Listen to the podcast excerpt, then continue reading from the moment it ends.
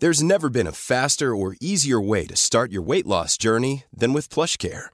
PlushCare accepts most insurance plans and gives you online access to board-certified physicians who can prescribe FDA-approved weight loss medications like Wigovi and Zepbound for those who qualify. Take charge of your health and speak with a board-certified physician about a weight loss plan that's right for you. Get started today at plushcare.com slash weight loss. That's plushcare.com slash weight loss. plushcare.com slash weight loss. Wow. Nice. Yeah.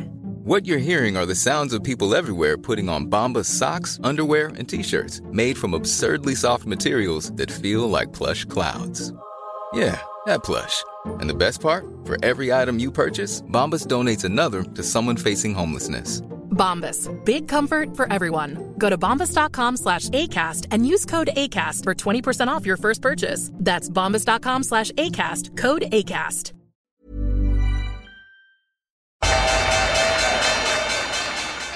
They mistook leverage for genius. Leverage for genius.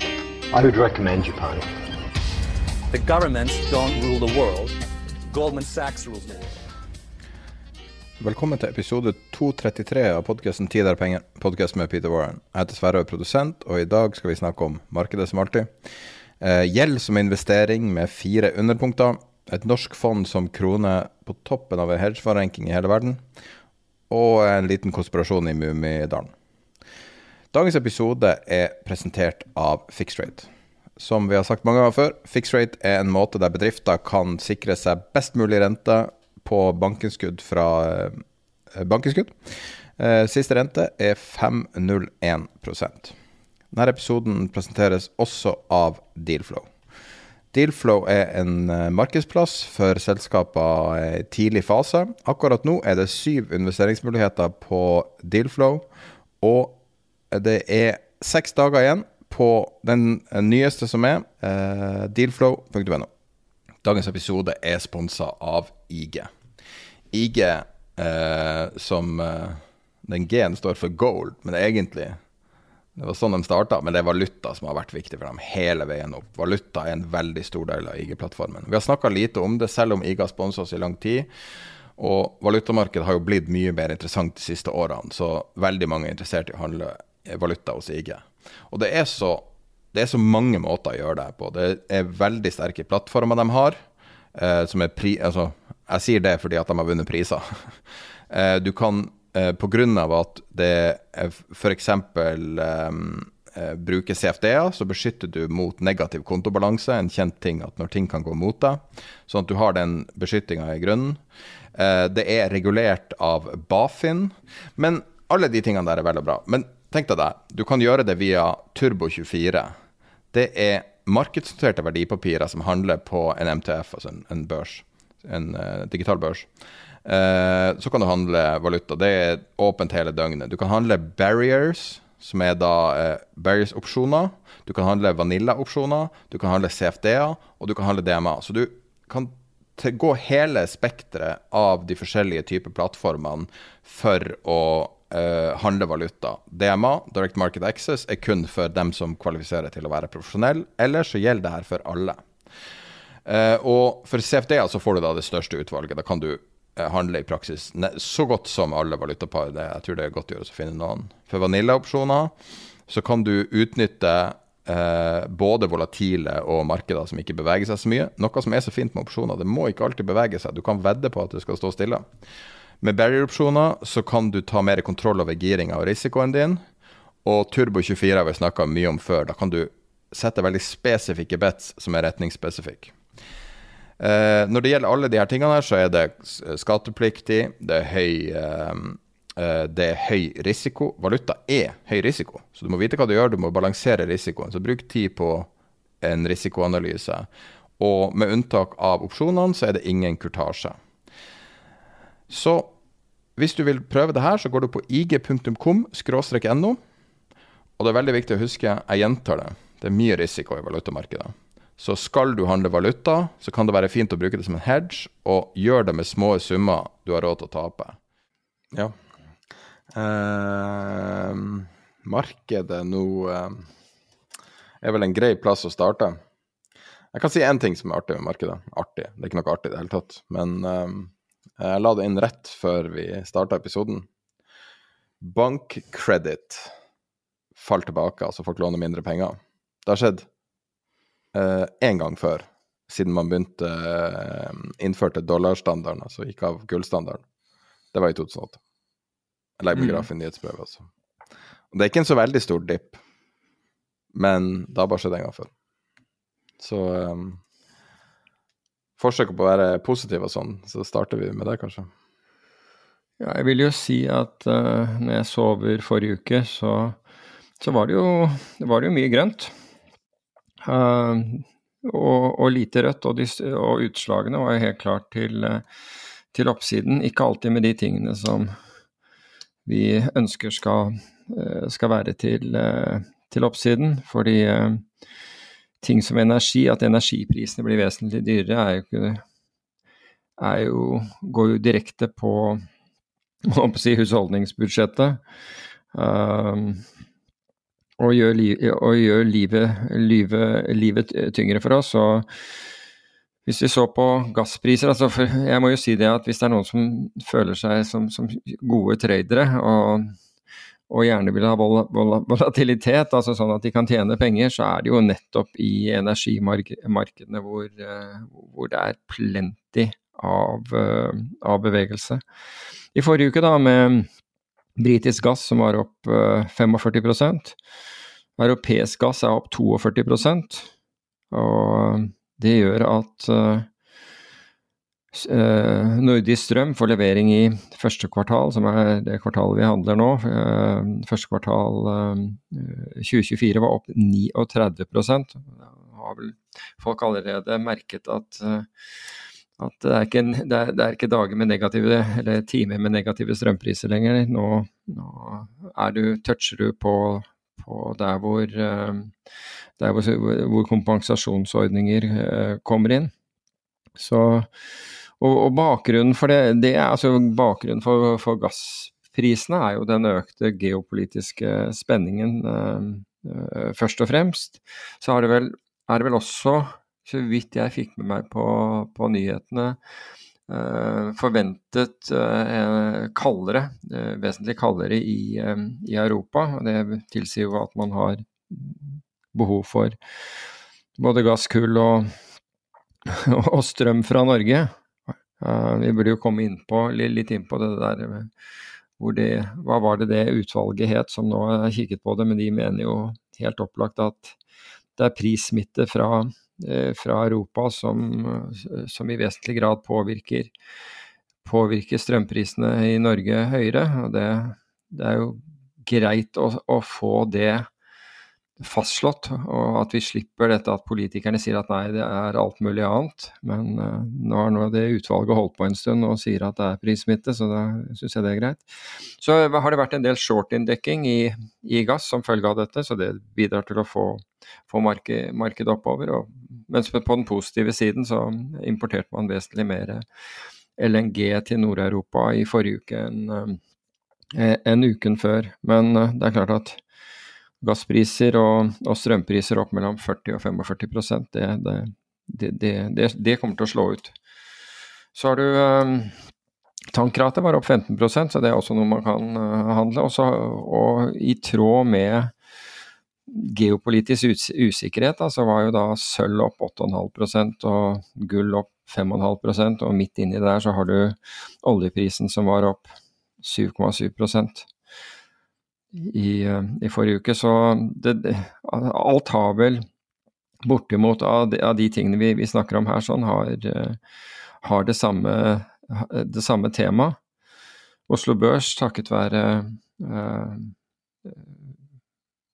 innslag av, av, store oljeselskaper i, for, for, for, indeksen, ikke minst Equinor, var opp eh, 4,8% og det var jo da vesentlig mer enn SMP og Nasdaq, som var opp henholdsvis en halv prosent og 0,2% Men det er verdt å merke seg at eh, vi snakket i, i forrige uke om dette gapet, som jeg kalte det, mellom, mellom utviklingen på amerikanske statsobligasjoner, nemlig altså det voldsomme fallet i amerikanske statsobligasjoner eh, slash eh, økte renter. Og var, var, veldig lite forenlig altså med det vi bl.a. har sett av Nasdaq-indeksen, hvor veldig mange av selskapene er, har, har, en høy grad av finansiering og liten grad av, av inntekter. Så vi hadde sett Nasdaq opp og, og og denne ETF-en som vi har fulgt, da, som dreier seg om 20 års amerikanske statsobligasjoner, og som heter TLT, eh, eh, den var kraftig ned. og Vi, snakket jo om det i forrige uke, at, eh, at her, her, noe, her, er det noe galt. altså, det, det ga, altså Enten så Det ga muligheter enten å være long TLT eller short aksjer, eller long TLT og short aksjer, eller hva, hva som helst. Men uansett, det, det gapet kom inn i, eh, en del i forrige uke, fordi den TLT-ETF-en eh, var opp 3,3 og Når jeg tenker deg at statsobligasjoner er opp 3,3% så er det verdt å, kikke litt på hva som har skjedd med volatiliteten på, på, på, på statsobligasjoner, som for veldig, veldig mange regnes som noe av det kjedeligste du, du, du kunne eie så er, så er uh, volatiliteten, altså hvis du måler den over, over 21 dager, på, uh, på, denne TLT, den er dobbelt så høy som den målte volatiliteten på SMP 500. Så for de som syns at statsobligasjoner er kjedelig, så, så altså, da burde du i hvert fall sovne når det gjelder, når det gjelder aksjeinvesteringene dine, fordi de er halvparten så volatile som, som TLT. Så vi er kommet over et helt nytt regime hvor Og jeg, jeg må jo si at jeg syns veldig synd på disse, disse fondene som, som driver med såkalt risikoparitet, hvor fordi obligasjoner har vært så lite vol volatile tidligere, så har man da giret obligasjonsporteføljen for å, få, for å få de til å svinge like mye som aksjer. Og det, det kunne bety to, tre og fire ganger giring. Og, og, det har vært tema og vært eh, grunnlaget bl.a. for at Bridgewater, som var verdens største hedgefond, har, har, tjent så mye penger for kundene sine, men nå er, det, nå er, det, rett og slett det motsatte.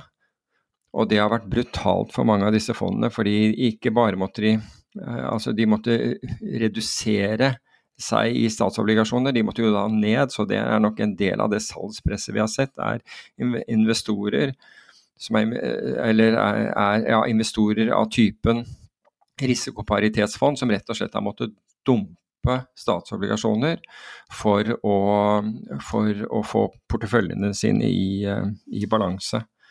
Så, men de, de, fikk jo i hvert fall de fikk jo en hyggelig rekyl i, i forrige uke. Ellers så la jeg merke til at veldig mye av det rundt altså krypto, hvis du ser på Altså, hva var ned i forrige uke. Jeg prøvde å finne årsaken i bitcoin, men den sto nærmest stille. Jeg vet at den hoppet i dag, men nå snakker vi om forrige uke. Men um, For der var ETF-en for blockchain-selskapet var ned 3,7. Det samme var ARK. Og, og, um, og Galaxy var ned, ned 2,7% i forrige uke. Så der er det noe som ikke jeg har fått med meg som, uh, som har skjedd. siden vi har sett den. SPF-rettssaken har fått mye oppmerksomhet. Ja, ja, det kan jeg jo forstå, for så vidt forstå, fordi det er jo en rekke ny, nyhets... Uh, eller rekke medier som daglig rapporterer derfra. Jeg, jeg følger med på de, uh, de meldingene som kommer om det. Det er jo ganske interessant. Og spesielt hvordan det var hun Caroline Ellison som var da sjef i Alameda, dette dette krypto-hedgefondet, som også Sam Bankman-Fried Det ble vel eid av hele den gruppen. Han eide 90% Han eide, Ja, men var han 90% investor, eller var han i, i forvaltningsselskapet? Jeg tror det, må, det, var sikkert mange investorer med. Eiere i firmaet? Ja, i forvaltningsselskapet, ja. Det, det, det, kan jeg godt tenke meg. At det var, var, var noe slikt. Men i hvert fall hun som da også har vært eh, tidvis kjæreste med, med Sam Bankman-Fried, hun har jo da hevet han til de grader under bussen. Og når hun ble konfrontert med ting hun hadde gjort, og, så, og, og spurt at hvordan kan det ha seg når, at du gjorde disse tingene, og så, Og så ble hun stille en stund, og så lo hun og, sa at det, var, det var vel Sam som fortalte meg det. Uh, men, men så lo, altså, det der virker, det der systemet i USA, det angiversystemet i USA, det kan umulig være særlig sunt med, med tanke på å få frem hva som, hva som virkelig, hva virkelig hendte, tenker jeg. Så, men det kan være at det er, det er, det Men jeg skjønner ikke hvorfor det skulle bite noe særlig i disse, disse selskapene, men det kan godt hende at det, det har gjort det. Så, så, vi, så, får vi se. Men, uh, men, det var vel egentlig de tingene som jeg fikk med meg sånn i det store og hele som skjedde, uh, som skjedde i forrige uke kan touche litt innom en sak som har vært mye omtalt. Uh, greit å få det avklart litt, uh, sånn at ikke man misforstår litt hvordan ting funker. Dette er et sånn vedvarende ting. Når ting begynner å falle i verdi, så kommer det samme temaet opp uh, med jevne mellomrom. Det har sikkert gjort det siden tidenes morgen. Og pga. at han er så kjent og han gikk så offentlig ut, så tror jeg vi kan bare si hvem det gjelder. Kjetil Landsrud, om han er eller tidligere alpinist, kalte mm. på på Twitter gikk ut og kalte Folketrygdfondet for u dem at de lånte ut aksjer i et firma han etterpå det ble kjent at han eide aksjer i det selskapet. Uh, at de lånte ut aksjer til uh, shortsalg. Uh, og så kaller han det umoralsk, og, og da liksom gir uttrykk for at når man låner ut penger til shortsalg, så legger man opp til at en kurs skal falle. men det er jo viktig å påpeke da at Folketrygdfondet det er jo altså det er jo oljefondet innland, på en måte.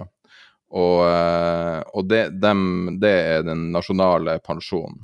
Og grunnen til at man låner ut penger til shortsalg, det er at man øker avkastninga ja, låne ut aksjer til, til shortsalg, er at man um, ønsker å øke avkastninga fordi at for, du betaler en leiepris, så du betaler en margin. Så det er en Rett og slett, ja, den, får, den som låner det, betaler ja. det rett, ja. Riktig. Og når det gjelder det her selskapet som, som, som det handler om, som heter Ultimovax, som er et uh, kreftvaksineselskap, mm. så kan man si at i et vakuum så øker nok det her verdien på selskapet.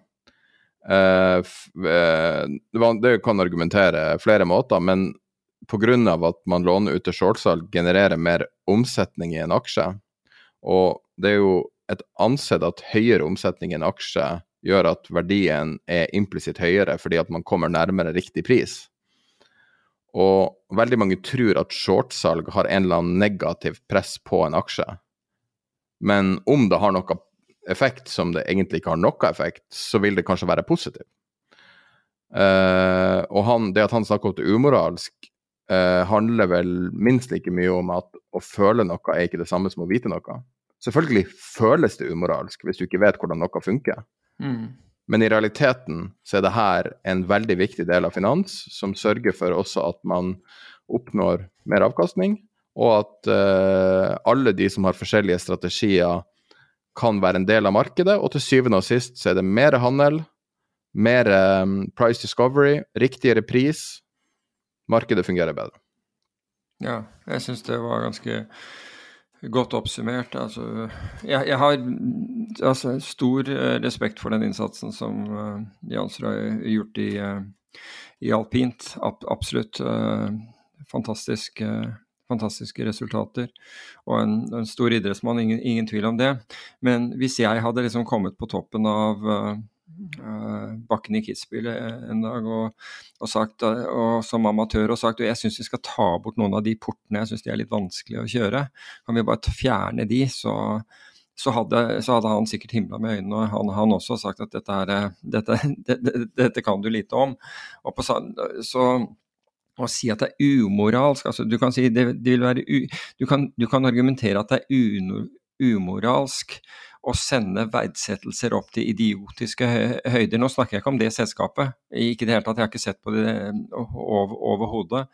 Men shortsalg er en del av prismekanismen som skal til for å, for å finne den riktige i anførselstegn prisen på et selskap, hva det egentlig er verdt. Og shortsalg gjør det mulig dersom du mener at et selskap er hinsides priset, den er altfor høyt priset. Det kan være den er altfor høy i, i, i, forhold til selskapets inntjening, eller den er for høy eh, Forventningene rett og slett er for høye. De, de, de kommer aldri til å kunne levere på forventning. Igjen, nå er det ikke dette selskapet jeg snakker om, for jeg har ikke sett på det, men, men dette er en av årsakene til at man går short. Eller man, kan, man har funnet at det er andre selskaper i samme bransje som er mye lavere priset, og dermed så går man og kjøper de, de selskapene, og så shorter man, man, det selskapet som er overpriset. Either way så bidrar dette til mer effektiv og riktig prising av, av uh, selskapene, og, og, og, utvilsomt over tid så er det det, er det, det eh, både selskapet og investorene har best av. Det er noen få som, har, som nyter godt av å pushe aksjer til himmels, altså enkeltselskapers verdi til, til himmels, sånn som du fikk under GameStop og alt dette der hvor det var bare tull. Uh, kunne ikke forsvare verdien i, i det hele tatt, og det gjør at du får med stadig flere mennesker som da hiver seg på, investorer som hiver seg på, som, som da bruker denne, uh, denne even bigger fool-teorien, altså momentumstrategien, fordi de tenker at jeg, jeg, blir med, jeg blir med på dette, nå går toget. Og så hiver de seg på, og så ender det med at, liksom, at de profesjonelle investorene kommer inn, selger dette her eh, kraftig, og, og det ender da med blodige tap for, for de investorene som, ikke har forstått seg på verken regler eller, eller verdsettelser. Det er ikke bra for et marked. Det var ikke bra i tilfelle GameStop heller, um, og de der andre selskapene man, man, holdt på med. Slik at det er en helt naturlig mekanisme. Og du kan si at det er ikke slik Altså, shortselgere er ikke en gjeng evil uh, individuals der ute som prøver, som forsøker å ødelegge selskaper. Men hvis de ser et selskap som er for høyt priset i forhold til enten inntjening eller, eller forventning eller eh, tilsvarende selskaper, så er det en måte å utnytte det økonomisk på. Hva er to, to elementer med det du sier? Det ene er jo at folk eh, har hørt om aktivist-shortselgere, som er en håndfull personer eh, som har eh, eh gjort har laga en relativt ny strategi, kanskje mest kjent er Muddy Waters. Og det de gjør, er at de tar en eller annen short-posisjon i et selskap, og så publiserer de en omfattende research-rapport, og så får den mye oppmerksomhet, og gjerne medieoppmerksomhet, og så faller kursen. Eh, og Muddy Waters, som har spesialisert seg på kinesiske selskaper, har avdekka utallige svindler. Mm. Og grunnen til at kursen faller, er rett og slett fordi at argumentene er så bra. Og det som da blir tolka som leder til en sånn kommentar at det her er umoralsk, er at alt shortsalg er aktivist-shortsalg. Uh, jeg kan forstå at det føles umoralsk at noen kommer inn og publiserer en negativ rapport som de vinner på sjøl, men man må jo også skjønne at alle vinner jo på det de sier sjøl at alle de her sjeføkonomene i banker de er jo ansatt i banken, de er jo der for å promotere banken. ikke sant? Sånn at mm. de vinner jo på noe på å få omtale i, i avisene. Når du snakker om eh, et meglerhus, enten om det er aksjer eller, eller eiendom, så er jo de veldig eh, avhengig av at både aktiviteten er høy og at prisene er gode. Sånn at de har jo sine egeninteresser. Alle har egeninteresser altså Folk som, som er sånne permabærere som selger nyhetsbrev, f.eks., de er jo avhengig av å hele tida uh, gjøre folk så redd som mulig for å, for å tjene mest mulig penger. Så det at man bare skal påpeke den ene elementet og si ja, du tjener penger på det hvis du er aktivist-shortselger, som er veldig få, også, så, så blir det det, det, masse, det finnes folk som misbruker det, og det er ulovlig. Enkelt og greit. På samme måte ja. som at jeg er 100 sikker på at det som skjedde med GameStop, var ulovlig markedsmanipulasjon. Ja, ja. Og om du gjør det for, for, at noe skal stige i verdi, så er det like negativt. Og så har du da, på den andre sida av saken, så har du da hva skjer når du mister aktivitet i markedet? Og det ser vi jo nå i det norske eiendomsmarkedet, der eh, litt sånn rart, så, så, ser det ut som prisene er relativt flate. Og jeg tror at en av grunnene til det er at vi har så lite price discovery i markedet nå. Vi har relativt uh, uh, lavere omsetning av boliger. Og det som selges, det vi hører da, det som selges, er de beste tingene som selges. Så når ting blir solgt, så blir det solgt sånn noenlunde der man forventer det skal ligge, og indeksene er sånn noenlunde uendra. Men når vi ser på nybygg f.eks., så er jo enkelte ting veldig vanskelig å selge, og der har de et veldig stort insentiv til å selge nå, og der ser du at folk kutter prisen. Sånn at hvis eiendomsmarkedet har vært like effektivt som aksjemarkedet, så ville det kanskje vært ned 20% basert på alle dataene vi har. Det er umulig å si.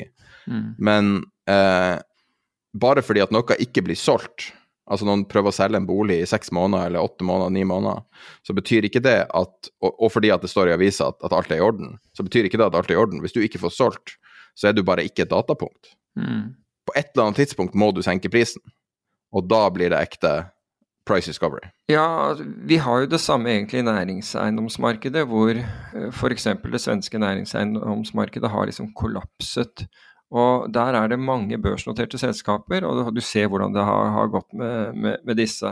Men så har du hatt det i Norge hvor det ikke har vært gjort, så har man da rett og slett ikke gjort transaksjoner. Og så sitter alle stille i båten i håp om at en vanvittig renteoppgang ikke skal bite inn i verdien på, på, på eiendommene. Men så, så, leser man nå at det finnes disse eiendomssyndikatene som meglerne har eh, har, har, stått for, eller stått bak og, og, og, fått ut, de har da vært gjort med så kortsiktig finansiering at, at der må øh, Og det er rett og slett det er fantastisk med kort, kortsiktig finansiering, fordi da blir det ekstra mye honorarer for, for meglerhusene eller banker når, når, når, det skal refinansieres. Og I mellomtiden så har du fått en knalltøff øh, renteoppgang som gjør at den refinansieringen nå plutselig skal skje til mye høyere priser, og da må det verdsettes. fordi noen skal da gå inn og låne ut disse pengene igjen ikke sant, ved en re refinansiering. Og det vi ser, er at man ikke har vært villig til å gjøre det i nærheten, til i nærheten de verdsettelsene som var. Så nå er egenkapital uh, borte i, i, mange disse, i, i mange av disse syndikatene. Så det du satte inn, de pengene du hadde, de pengene som du stilte med, du, du lånte Altså du, du stilte med med million kroner, lånte, lånte tre eller fire eller hva du gjorde. Nå er den én million Den er borte. Så nå har du da valget om å putte inn mer penger, eller bare kaste, rett og slett kaste kortene og håpe at noen vil overta dette for deg, for du har gjerne en gjeldsforpliktelse i og med at du har lånt, lånt uh, pengene. Men frem til nylig så har man bare lukket øynene for dette, fordi det ikke har vært akkurat det du var inne på i sted. Det er ikke noe price discovery. For det er ikke noe toveis marked, du ser det ikke hele tiden. Det er bare at selgeren sier ok, jeg får ikke det jeg skal ha, så jeg, jeg later, så jeg bare trekker annonsen og holder kjeft. Og håper at ingen oppdager at, uh, at det har vært en kraftig renteoppgang, og at, uh, og at eiendomsverdier har, har, falt i alle andre markeder. Men er det riktig? Nei, det er jo ikke det, og det er det, akkurat det vi, vi ser nå. Så, så, det korte på, på måte, svaret på det, det er jo flere lyttere som har henvendt seg om, om den, om den ut, uttalelsen til, eh, til Jansrud. Liksom, hva, hva, mener man om det? Altså, det er, vi nyter godt av et mar marked som fungerer, rett og slett. Det er jo da et paradoks at vi ønsker mindre transparens. Jeg tror vi var inne på det i siste podkast når det gjelder private equity, som nå skal bli så veldig populært, og, som sliter selv fordi eh, rentene er, er, høye. Men der har du ingen innsikt. Der har du bortimot ingen innsikt, og at det plutselig skal være altså det, det, er det samme som å si at du kan ta en parallell til et aksjefond. Vil du ha, vil du ha et aksjefond som, hvor du har daglig eller ukentlig likviditet. Og likviditet det betyr at du kan tegne eller, eller ta ut pengene dine. Enten daglig eller, eh, eller ukentlig eller, eller, hva det må, måtte være. Eller vil du ha et aksjefond hvor du setter pengene i dag, og så vet du ingenting før om ti år, og, og, men da får du svaret. Og det, det som private equity gjør, det er, det er, at det er den siste delen. Hvor du putter pengene dine i dag, og så aner du ikke hva som skjer, for de viser deg ingenting før, før dette er opp og avgjort eh, en eller annen gang frem i tid.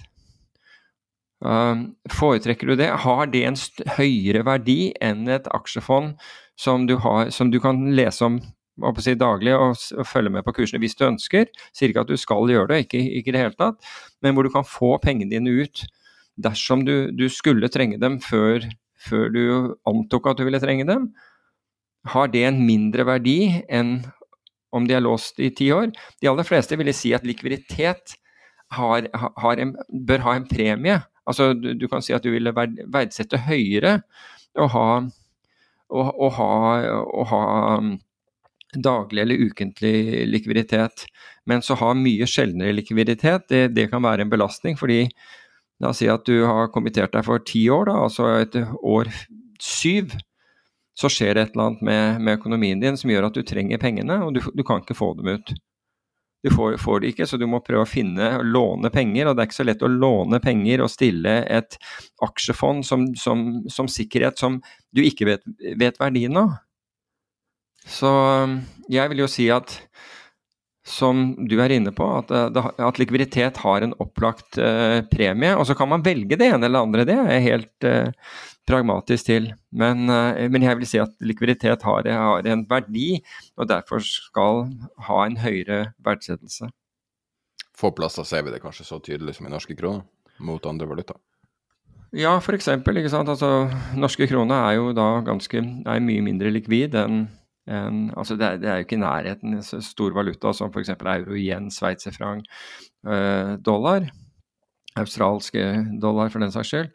Eller, eller britiske pund. Og, eller kanadiske, som er ganske sammenlignbart. Eller kanadiske, ja. Det, det, Til om en New Zealand-dollar har større omsetning. Ja, nettopp. Så, så, så, du kan si at Og da oppstår det merkelige ting ikke sant, med, med valutaen vår. Og tidligere så har det vært slik at har har oljeprisen styrket seg, så har gjerne kronen styrket seg. Men nå virker det som på, på dager hvor oljeprisen går opp, så står kronen stille. Går olje, oljeprisen ned, så faller kronen. Så det, det, er jo helt opplagt skjedd et voldsomt, altså fra valutamarkedsperspektiv, voldsomt skift i måten uh, I hvordan uh, internasjonale investorer og banker og, og eller valutamarked da, uh, vurderer norske kroner i forhold til hvordan det var tidligere. Også, hvorfor det er, det er en lengre diskusjon som vi har vært inne på tidligere, som jeg ikke trenger å ta her nå. Skal vi snakke om alles favorittema? Gjeld. Ja. Men at du er kreditoren. Så eh, hvis du leser en finansavis eh, i nesten hvilket som helst land, så står det stort sett om aksjer. Det står aksjekurser, aksjeindekser. Eh, det står om eh, nyheter som relaterer til aksjeselskaper osv. Men det står så godt som aldri om gjeld. Og det er jo kanskje, kanskje ikke helt riktig. Gjeld har jo andre dynamikker, og du har forskjellige typer gjeld. Så jeg tenkte vi kunne snakke litt om gjeld som investering, og i og med at vi går inn i eh, hvert fall om det er usikre tider, Kanskje, kanskje ikke. Men la oss si at det er skyer på horisonten, i hvert fall. Som er ganske svart. Kanskje de treffer, kanskje de ikke treffer. Og da kan det være interessant å tenke på gjeld nå. Som et alternativ til aksjer og til andre ting. Som kanskje, kanskje, kanskje ikke. Hva du syns om gjeld som investering for en privatperson? Altså, la, la oss i, uh, definere gjeld. Og i de tilfellene vi, vi her snakker om, så snakker vi om, altså Når man snakker om å kjøpe gjeld, så er det snakk om å enten kjøpe statsutstedte papirer, altså sånn som statssertifikater eller statsobligasjoner. Og når vi kjøper de, så låner vi ut penger til, til staten. Um, eller så er det snakk om å kjøpe det tilsvarende uh, Kjøpe andre obligasjoner utstedt da av selskaper. Og så har du ulike eh, kredittkvalitet på disse selskapene, som går egentlig fra investment grade, og, og som er den, si, de mest solide selskapene, til high yield, som er da det vi tidligere kalte junk bonds. Uh, men som da har fått dette fantastiske navnet high yield isteden, fordi junk bonds uh, uh, fikk, Da fikk man ikke pengene til, til enker, enker og faderløse. Så nå er det kalt high yield. altså det er høyrenteobligasjoner. Mens det ble kalt søppelobligasjoner tidligere. Nå er det ikke søppel sånn som Eller alt er i hvert fall ikke søppel, på, på, på ingen måte. Bare for å definere hva det er, for ingen av de ordene beskriver jo egentlig hva det er. Det det her er, er obligasjoner som har en kredittrating under dobbel, altså dobbel B og nedover. Ja. Som betyr at sannsynligheten for konkurs gjør at det her er ikke ansett for å være investerbar gjeld. Non-investable, eller hva man kaller det. Ja. Så, så, du kan si at jeg regnet med at hvis man ikke vet hva en obligasjon er, så, så vet man neppe hva dobbelt B var. Så jeg tenkte, tenkte, jeg skulle ta en enklere versjon enn det, men nå har vi i hvert fall forklart begge deler, og det er greit. Og du kan si at det, det er jo profesjonelle investorer som som investerer i, i gjeldsinstrumenter eller i obligasjoner. Kanskje vi bare skal kalle det obligasjoner, og så kan vi uh, herfra. Fordi vi har definert hva det er, nemlig at du låner ut penger enten til staten eller til, uh, eller til bedrifter. Uh, og hvorfor gjør de det? Jo, f.eks. pensjonskasser de har da et, et, pålagt krav om hva de skal kunne levere av avkastning, slik at de kan oppfylle, eller hvilken avkastning de trenger for å kunne oppfylle pensjonsforpliktelser. Og da ønsker de å ha noe som er sikkert um, i porteføljen. De, de, kjøper ting som er usikre også. De kjøper f.eks. Um, de kjøper f.eks. aksjer som da er, en, er regnet som mer usikkert enn gjeld. Så aksjer f.eks. på et selskap som er, eh, som er ratet uh, dobbel B, så vil aksjene være Eller, eller virksomhetsselskapet, altså er det investment grade, altså aksjene deres vil ha en lavere rating de vil være mer risikoutsatt enn obligasjonene. Obligasjoner er som regel eh høyere prioritert enn aksjer, og jeg ville sagt alltid høyere, har alltid en høyere prioritet enn aksjer. Inntil jeg så den, den refinansieringen av Norwegian, og der, der eh, hev man obligasjonseieren under, under bussen. Så så, så, så, bildet er ikke helt uh, unyansert. Men du kan si at tilbake til pensjonskassene, så kjøper de da uh, obligasjoner, eller investerer i obligasjoner som kan, da gir dem la oss si 3% avkastning. La oss si at de har et minimumkrav uh, på, på, på 3% Så kjøper de obligasjoner som gir 3% avkastning, så vet de garantert at de vil klare å oppfylle sine forpliktelser. I tillegg så kjøper de også aksjer fordi de ønsker egentlig å en, eh, se om de klarer å få en høyere avkastning. Så har de en aksjeportefølje også. Og som oljefondet begynte, det, de var jo fordi det, oljefondet øh, skulle vare evig. Det skulle være, det skulle være eh, fremtidige pensjonspenger for det norske folk. Og fordi man da ikke hadde at man kunne ha et evighetsperspektiv, så startet de med å ha 60% aksjer og 40% obligasjoner i sin portefølje. Og så, etter hvert som man fikk lavere eh, avkastning fra obligasjoner, med andre ord eh, rentene falt, så, eh, så endret de og økte investeringene sine i aksjer i forhold til obligasjoner til 70-30, og jeg tror muligens at, at de, de tviket det til enda no, noe mer. Så det er liksom bakgrunnen for, uh, for, dette. Og så spør du hva nå? Og hvis du hadde gått to år tilbake i tid, så var, eller ikke helt fullt to, to år, så var rentene eh, lik null. Mange av verdens statsobligasjoner handlet med negativ rente. Men det rare var at det gjorde ikke appetitten mindre, fordi de samme store pensjonskassene fortsatte å kjøpe obligasjoner med negativ rente. Og, det, og i ettertid, altså Jeg forstår det der at når du har et mandat som du må følge, men av og til så går det an å tenke selv, tenker jeg, at da bør noen si at hvorfor skal vi låse inn f.eks. som man gjorde i tyske, tiårs tyske statsobligasjoner, en halv prosent negativ rente. Så jeg, jeg, betaler deg for å låne pengene mine. Jeg gir deg en halv prosent i året for at du skal låne pengene mine. Det gir ikke noe særlig mening. Men man fortsatte å gjøre det, og så kjøpte man denne her 100 års eh, østerrikske obligasjonen, eh, mener jeg. Den, er, den, har vel falt nesten ja, et eller annet sted mellom 60 og 70 ettersom eh, renten steg.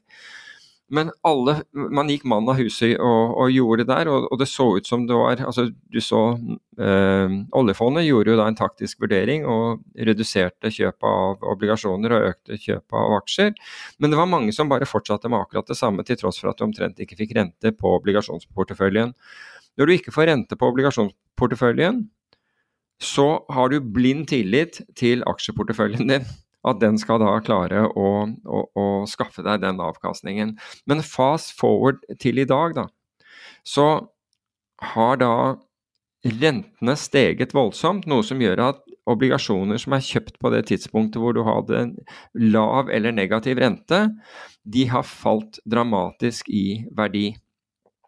Rett og slett fordi det, det finnes et alternativ, og det er, alternativet er, er, mye bedre fordi rentene er mye høyere i dag. Derfor har disse falt mye i verdi. Samtidig så har det vært voldsom selging i eh, til tross for da f.eks. at den amerikanske eh, tiåringen gikk fra 4 og nesten opp i 5% rente. Altså den, den steg jo fra opprinnelig fra 0,4 og nesten til, til 5% rente, så har det vært ekstremt mye selging av disse obligasjonene, til tross for at nå gir de deg garantert altså hvis, hvis, La oss for i runde tall bare si at den er 5, jeg tror den er 460, men det er ikke så viktig. Men la oss bare i runde tall si at den var, var på 5. Nå gir den deg garantert 5 over de neste ti årene. Det du bare kunne drømme om for to år siden, og som du Og du, du kan si at du ville gjort hva som helst kunne, hvis, hvis de hadde tilbudt deg for to år siden en obligasjon som ville gitt deg 5% årlig rente, så, så hadde du, hadde ikke trodd det var mulig. Men poenget er at hadde du lovet noen det for to år siden, så har alle kjøpt det. Når du nå, nå kan få 5% så vil ingen ha det, bortimot.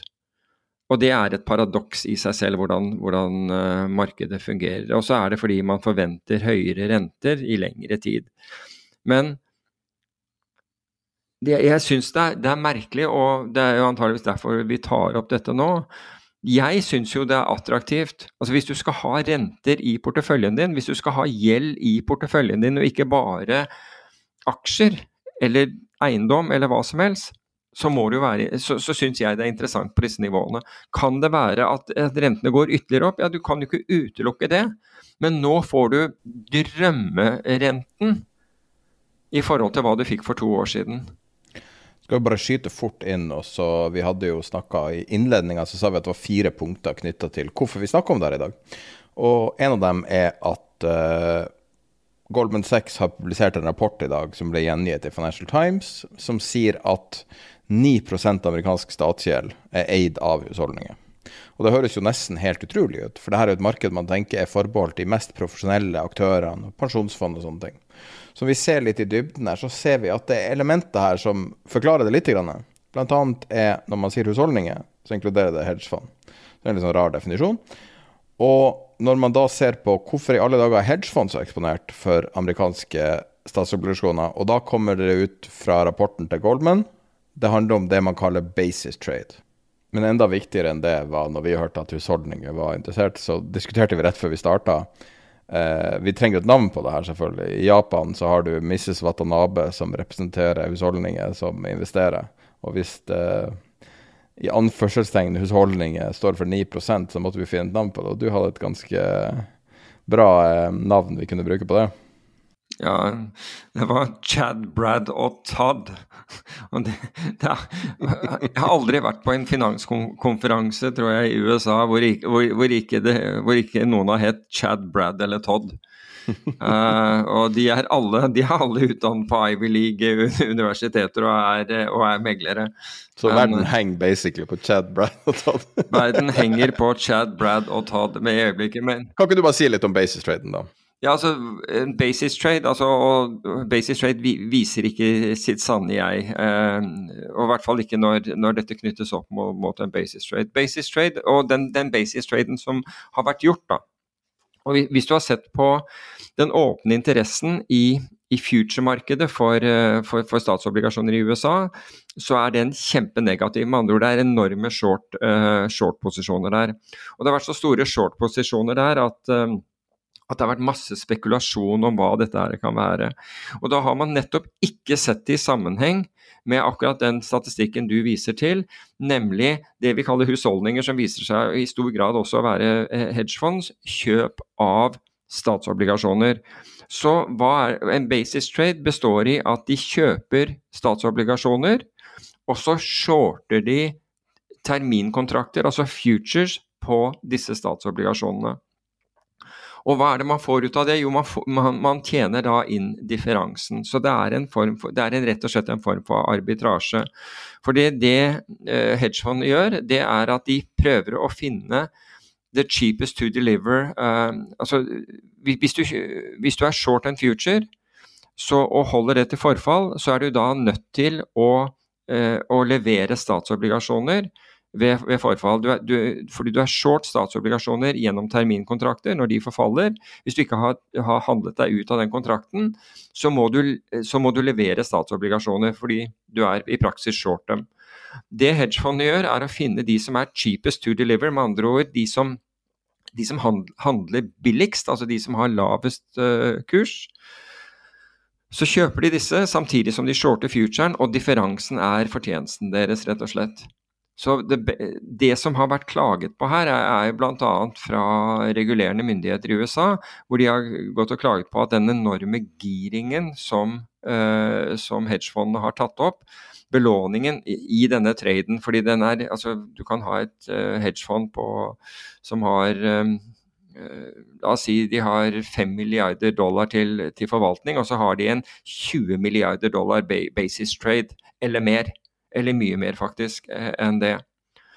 Um, så kan du si at hvor farlig kan det være hvis du, hvis du, er, hvis du er long og short egentlig det samme produktet? I teorien så skal ikke det være farlig, fordi når det kommer til forfall, så leverer du bare altså Når, når short-posisjonen din uh, forfaller, så leverer du obligasjonene, og så er du kvitt både Altså begge sider av balansen. Du er, du er, du er kvitt uh, det du eier og, og, og gjelden din i én uh, transaksjon. Men verden er ikke alltid perfekt. Og hvis vi går tilbake til 1998, hvor Long Term Capital Management, som den gangen var verdens største hedgefond, og, og, som hadde i hvert fall to, husker ikke om det var tre, men i hvert fall to nobelprisvinnere som, som eiere i forvaltningsselskapet. De gjorde nemlig den type handler. Og dette var handler som da ikke skulle være noe problem. F.eks.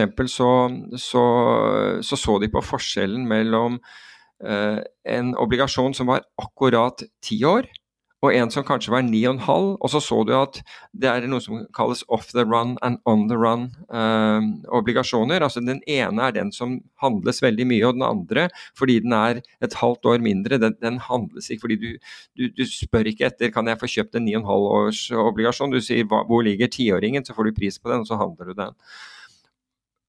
Det de gjorde, var, var, sånne handler. altså Rett og slett eh, dekket Shorte Shortet tiåringen kjøpte en 9,5 års obligasjon f.eks. For, for, eksempel, for, for at denne spredden skulle komme inn.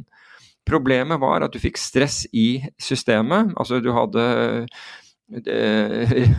du hadde konkurs i russisk utenlandsgjeld bl.a., og du hadde jo kuppforsøk, og det var ikke måte på i, i, i Russland på det, på det, tidspunktet. Noe som spredde seg til alle finansmarkedene, og som gjorde at spreddene gikk ytterligere ut. Og det kan også basis trades gjøre, for hvis det blir en enorm panikk der ute, så kan plutselig disse to tingene eh, blir mye større. altså slik at Du, du eier statsobligasjonene, men future-prisene, altså der hvor du har shortet futuren, futuren går også opp.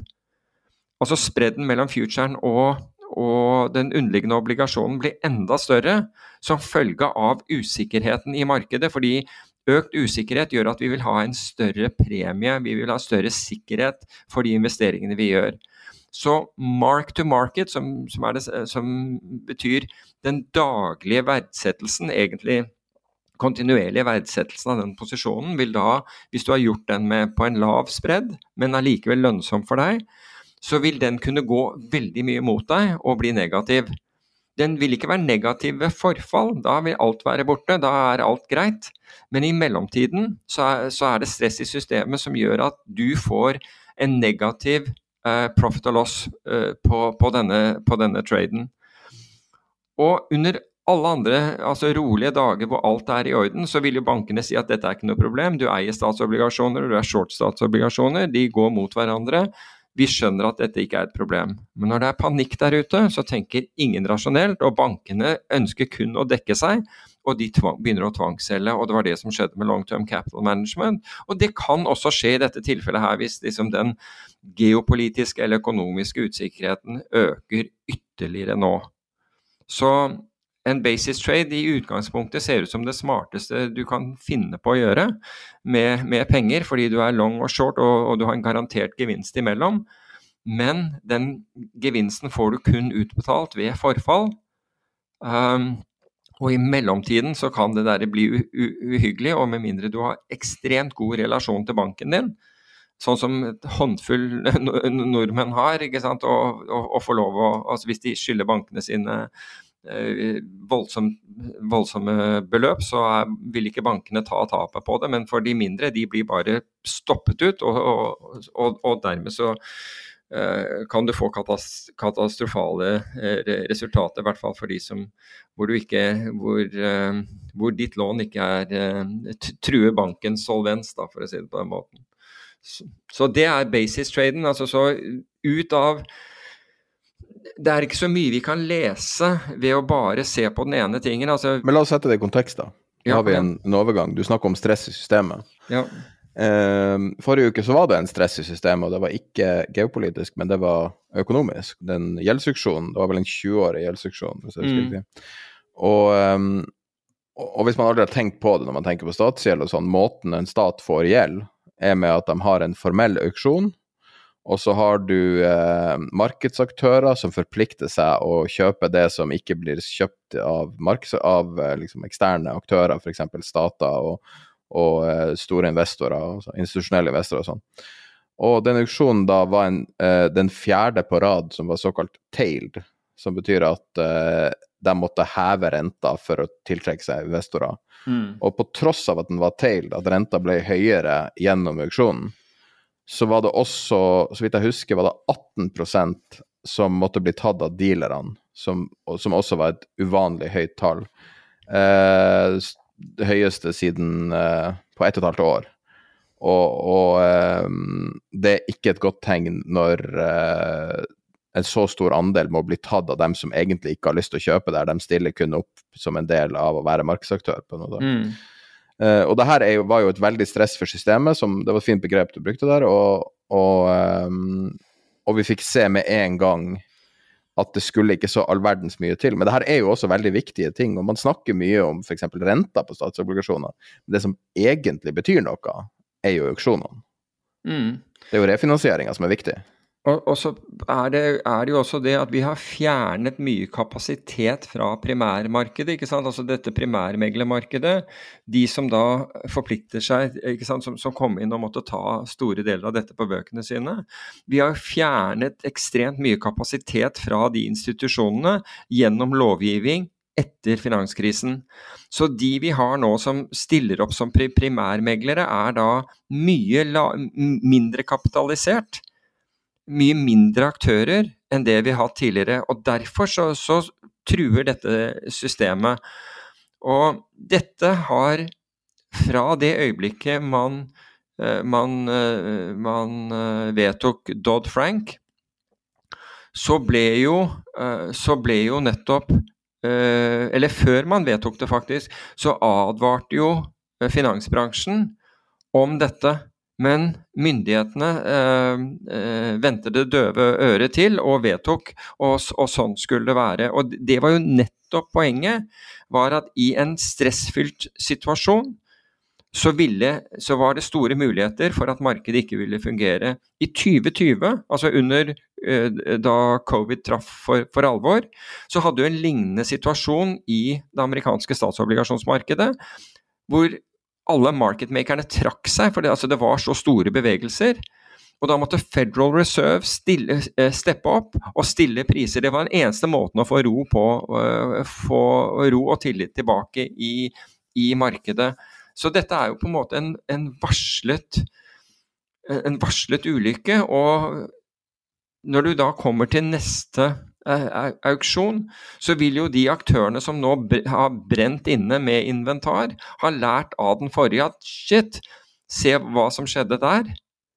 Og si at nei, dette vil vi ikke være med på, så vi, så vi, vi, vi kommer til å by mindre aggressivt.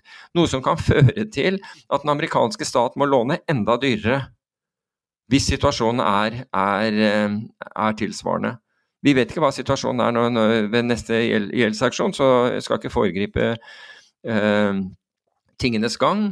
men det kan være en, en, effekt av det. Så da plutselig driver du opp renten pga. nettopp mangel på likviditet. Og nå har vi forklart likviditet tidligere i denne episoden, så man kan egentlig bare tenke seg at det vi snakket om når det gjaldt aksjemarkedet, gjelder også for, for rentemarkedet. Så vi går spennende tider i møte her. Altså, vi går spennende tider på den måten at det er mye usikkerhet. Vi vet ikke hvordan markedet vil reagere, vi vet ikke hvordan aktørene vil eh, reagere. Vi vet ikke om Federal Reserve i så fall vil reagere. Noe som, noe som, noe som betyr økt usikkerhet. Da kan vi gå videre til det tredje punktet på gjeld som investering-tematikken. Og det er Howard Marks. Nå føles det jo litt som at vi bærer veldig mye vann til han, men han er en person med en fantastisk track record og en uh, veldig fin måte å, å, snakke om markedet på. Så av den grunn så beit jeg meg veldig merke til den forrige, den forrige uh, hva man skal kalle det, rapporten hans.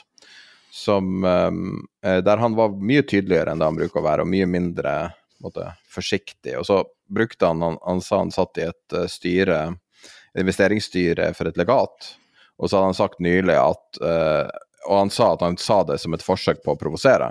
Sier han at vi burde kvitte oss med all eiendom, alle aksjer, alle obligasjoner og gå all in på high yield-obligasjoner og låse inn gevinst. Nå kan du få 8% på eh, selskapsobligasjoner. Da kan vi låse inn den gevinsten over mange år. Historisk sett er det 3 jeg tror det var 3 over det de har krav om å levere fra legatet.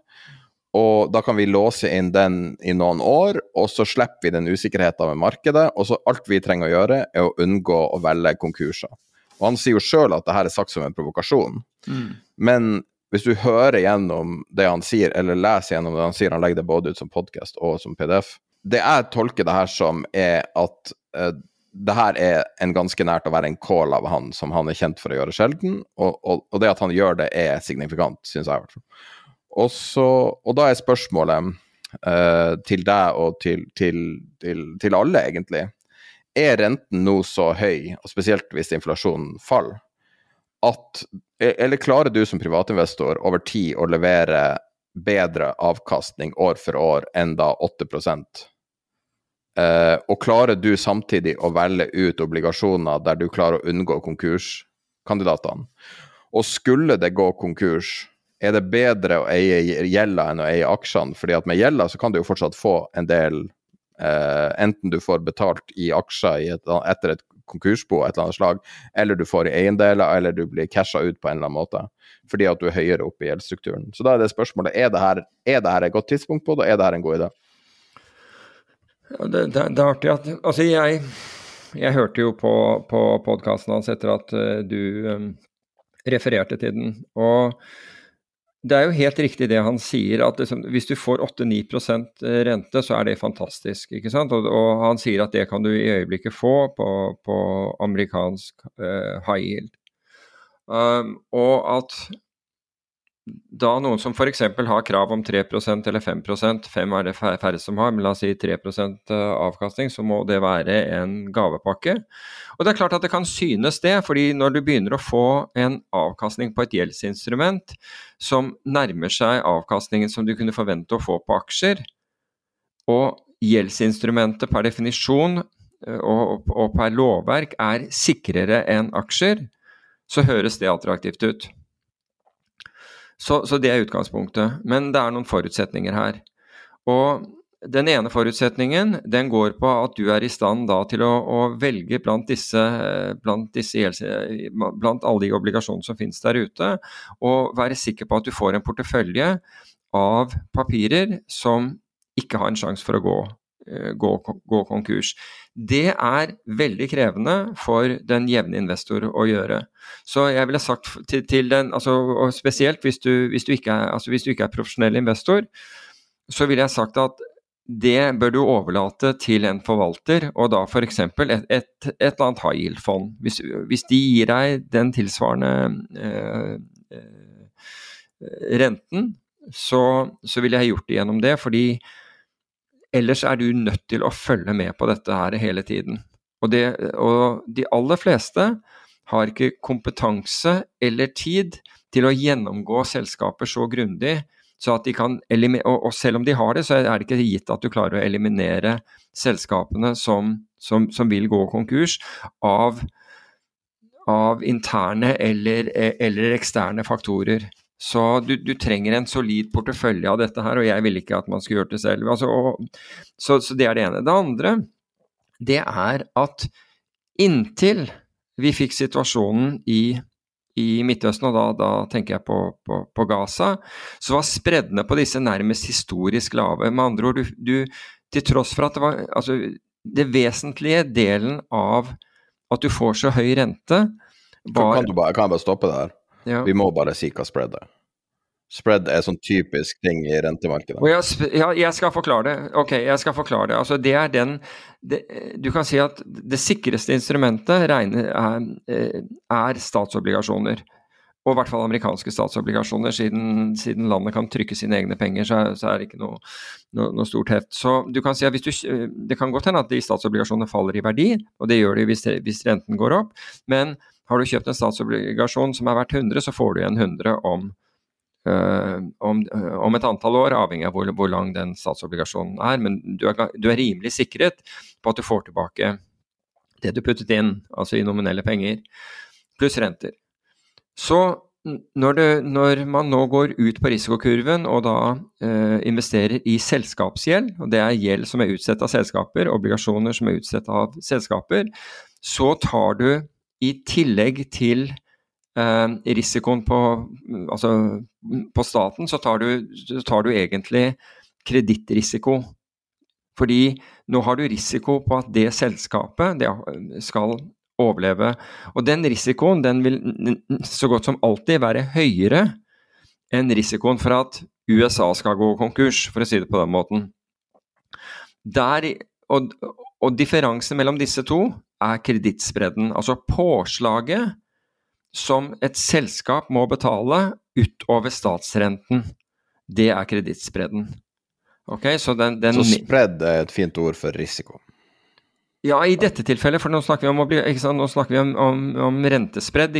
Du kan også snakke om spredd som forskjellen på, mellom, mellom, kjøper- og selgerkurs også, men i dette tilfellet så snakker vi om da kredittspredden. Den, den er, et uttrykk for risikoen på, det, på, på, det, selskapet som du vurderer å kjøpe obligasjoner på. Ja, også Poenget mitt er, er at, du har, at, du nesten, at du inntil nylig fikk nesten rekordlite betalt for å låne ut til et selskap fremfor å låne ut til, til staten. Um, og da kan du begynne å lure. altså I en situasjon hvor det er så mye usikkerhet i verden, er, høres det fornuftig ut? Nei, de, nei som så mange andre ting i finans, så høres ikke det spesielt fornuftig ut. Så fikk du situasjonen i Midtøsten, og da, da, tror jeg, da, tror jeg, du hadde en økning på noe sånt som 60 basispunkter, altså 0,6 da, da skvatt opp, opp den spred, da økte den spredden noe. Men den er fortsatt ganske lav. Så du må jo også da spørre deg, blir jeg egentlig betalt for å ta denne risikoen med å kjøpe selskapsgjeld i forhold til statsgjeld? Og hvis du mener at, du, at dette er akseptabelt, at, at et 3% påslag f.eks. er akseptabelt, altså 300 basispunkter, uh, så er det greit. Så, er det helt greit. Så, men man må vurdere det i forhold til det, fordi etter hvert som disse, etter hvert, hvert, som verden går videre, så kan den spredden gå ut, og den kan gå inn osv. Det kan være fluktuasjon i spredd, men hvis du har da investert med en veldig lav spredd, så er det ikke sikkert at det er så lett å få tilbake pengene dine før det har gått ganske lang tid. Men har du derimot investert med en mye høyere spredd, og, og spredden kommer inn, så vil det bli reflektert ved at obligasjonskursen går oppover for deg. Så så, så det, er, det, er, sånne ting du trenger å være oppmerksom på. Og så er det hvilken type av obligasjoner. altså Skal du gå for investment grade, som er liksom de mest solide selskapene, så er påslaget ganske lite i forhold til statsobligasjoner. Det er høyere jo mer risikabel den gjelden anses å være. F.eks. på high yield så er den da mye større, og det var high yield som uh, som Howard Marks uh, refererte til. Så det er en del ting du skal ta i betraktning. Og det, og hvis du befinner deg i Norge, så er det ekstremt lite transparanse når det gjelder disse obligasjonene. Og, det, og du kan si at for å kunne handle disse, så må, må du ha da øh, Og gjøre det noenlunde effektivt, så må du ha konto hos en rekke meglerforetak. Fordi, fordi i Norge er det slik at noen meglerforetak eh, handler visse, eh, type, eh, visse, selskapsobligasjoner, mens andre ikke handler de samme. Altså, og Det har noe med at de kanskje har vært med på utstedelsen, da er de litt mer ivrige. Um, og prisene voldsomt, kan variere voldsomt fra meglerhus til, til meglerhus. Du ser det ikke på noen skjerm. Du kan ikke gå inn på, på, skjermen din og se at her er det kjøper og der er det selger. Og selv om du kan, så er det ikke gitt at den som står der som kjøper, kjøper på den kursen. Og det er det verste av alt. Um, og jeg har jo uh, lenge, lenge, vært av den oppfatning at vi burde få dette på børs slik at alle kunne se det, men det er, det er ikke meglerhusene interessert i. fordi de kan da ta en litt større, større spredd ved at nemlig at du ikke kan, kan se dette. Så dette er ikke enkelt å gjøre for privatpersoner. Så det enkleste for privatpersoner, det er å gå via fond som er eksperter på dette her, og det er, noen, og det er helt opplagt noen fond som er mye bedre enn andre eh, på dette området. Og de fondene vil kunne handle med alle meglerhusene og få de beste prisene. De vet hvor markedet ligger, fordi de er i markedet hele tiden. De er analytikere som følger disse selskapene og gjør, og gjør løpende vurderinger av dem. Så det kan godt hende at du klarer å finne en obligasjon som gir en høyere avkastning, eller høyere rente, om du vil, høyere yield, enn det et fond gir. Men det er liksom som å, litt som å plukke nålen i høystakken. Det kan være at du, du, finner det, men det kan være at den er vesentlig mer risikabel enn det som er i fondet. Så det er ikke, det er ikke gitt at, at, det er en smart løsning å, ha, å velge det ut ifra det. Så her skal du virkelig ha tunga rett i munnen. Et lite, et lite, element som man kjenner igjen fra å kjøpe enten sertifikater eller ETF-er, er jo at man også må lese dokumentasjonen. Fordi at de juridiske dokument, dokumentene er jo veldig viktige. Altså og den er komplisert, altså. Den er virkelig komplisert. Jeg har, jeg har lest noen av disse her, og, og Altså, jeg har vært i bransjen i, i mange år, og jeg, oppfatter meg på ingen måte no, no, som noen ekspert på, på, på, kreditt. Men jeg må lese ting flere ganger før jeg i det hele tatt forstår hva, hva som menes. Så, så, så her, her, skal nok privatpersoner være forsiktige. Og som sagt, ikke noe gærent med, med å, å, å, gå i fond, men jeg, jeg, ville definitivt valgt fondsløsningen fremfor å gå og plukke disse her på egen hånd.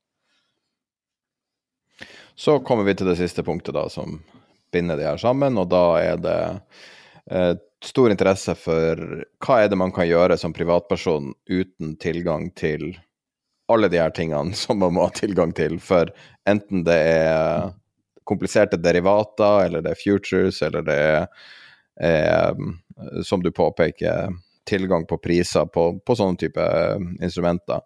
Er det en måte som en investor kan eh, beskytte seg for nedturer. Og grunnen til å inkludere det spørsmålet her, er jo at den naturlige motsetninga til aksjer er jo obligasjoner. Du kan jo selvfølgelig ha cash, og du, altså, det er jo mange ting man kan ha. Men naturlige motsetninger til aksjer er obligasjoner, når man tenker sånn risikomessig. Så i et bærmarked vil du eie gjeld.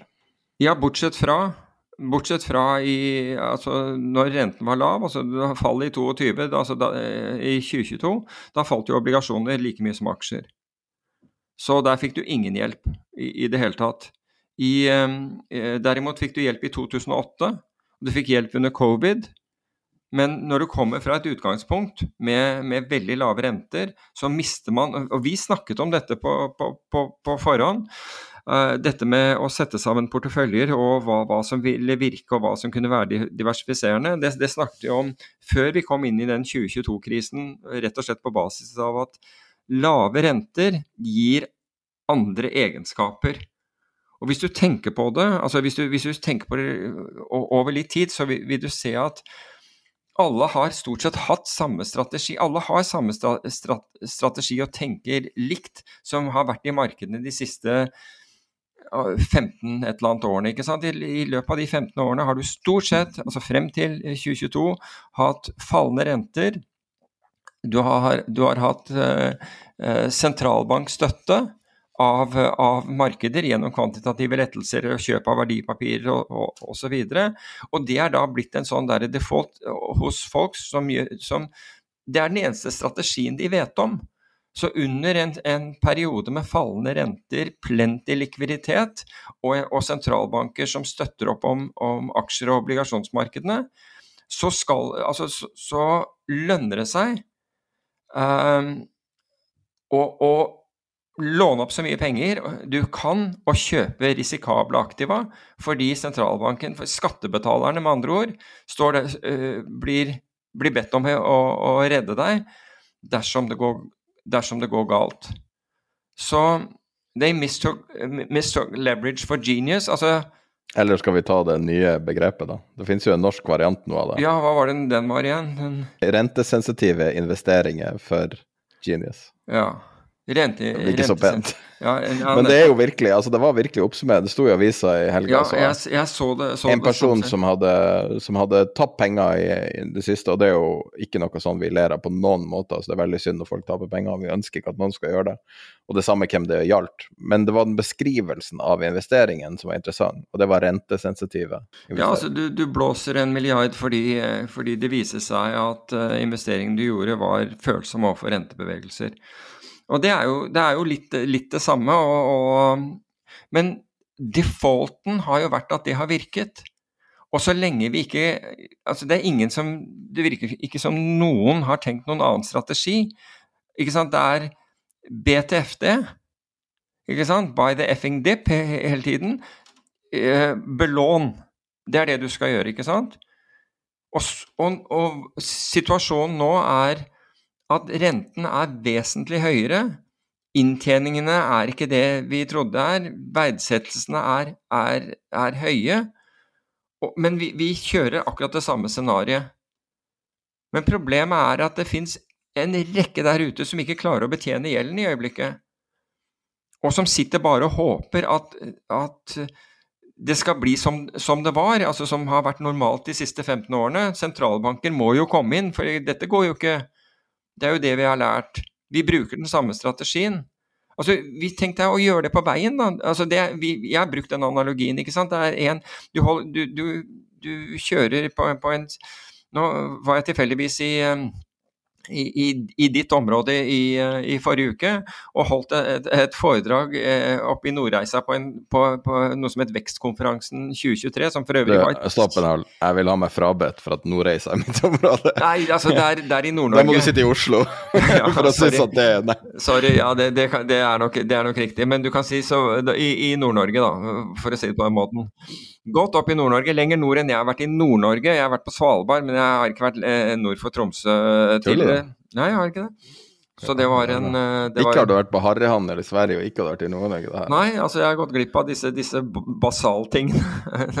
det er basalkunnskap. Men i hvert fall, poenget var For øvrig så var det en kjempebra konferanse. De har gjort et kjempearbeid med, med, med foredragsholdere. Det var superinteressant. Jeg måtte eh, reise tilbake, for det tok jo det tok syv-åtte minutter å fly dit fra Tromsø. Men det tok tre og en halv, tre og en halv time buss og to ferger å komme tilbake igjen til Tromsø. så det var jo en, Men poenget mitt var men Nå sporer du av av din egen avsporing.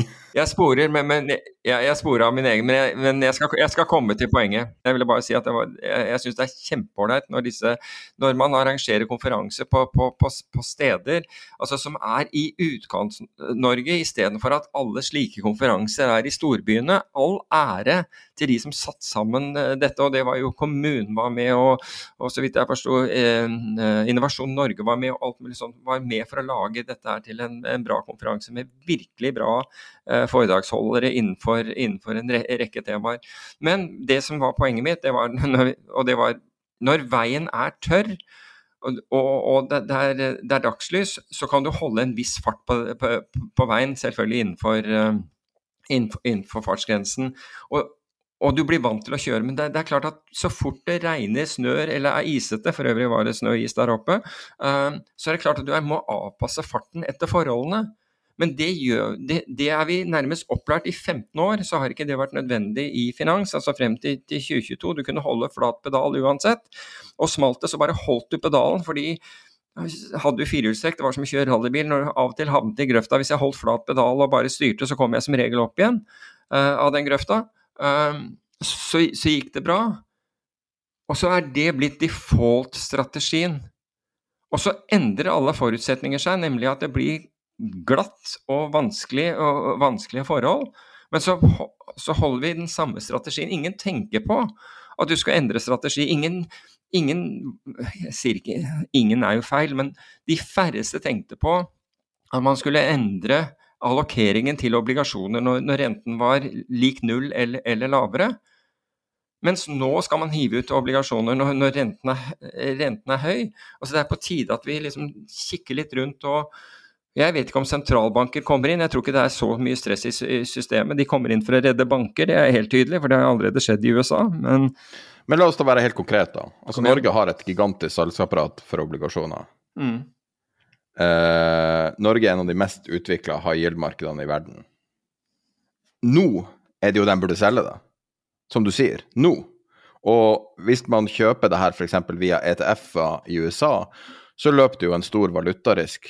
Fordi at hvis det her eh, Hvis noe eh, går galt, så er det jo veldig naturlig at, at uh, du får valutautslag som kan eh, påvirke investeringene dine. Så det burde du hedge bort i tillegg. Så en mer naturlig ting er jo å se mot Norge, og ikke trenge å være bekymra for valutarisken. Så på en måte er det jo Dette er jo tida for obligasjonsselgerne.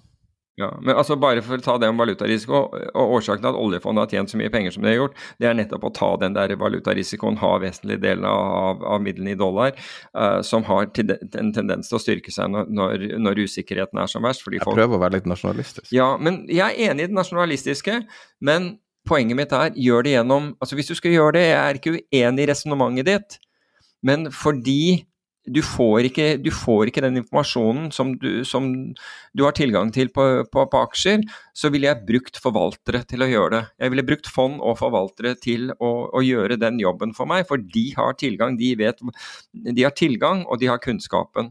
Og Derfor så ville jeg gjort det heller enn at du skal sitte der og, og, og prøve være smart selv. Hvis du skal prøve å være smart selv, så, og du har et lite selskap, så bruk fixed rate eller et eller annet sånt for å kunne få 5, 5 uh, på, på, på pengene dine. Ikke sant? Altså, bruk sånne, eller, eller forhandle med banken, eller, eller, hva som helst, uh, for, for, å, for, å, få eh, høyere innskudd på, på, konto.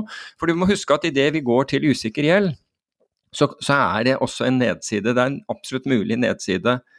Og vi hadde et fond i Norge som på bare noen få dager i løpet av den covid-perioden gikk over ende. Og der, så vidt jeg vet, så har ikke investorene fått pengene sine tilbake. Og det var et fond under tilsyn av Finanstilsynet. Du klarte å snike den inn i dag også. ja, men det er jo sant. Det er jo sant. Det, der, sant? det er helt utrolig.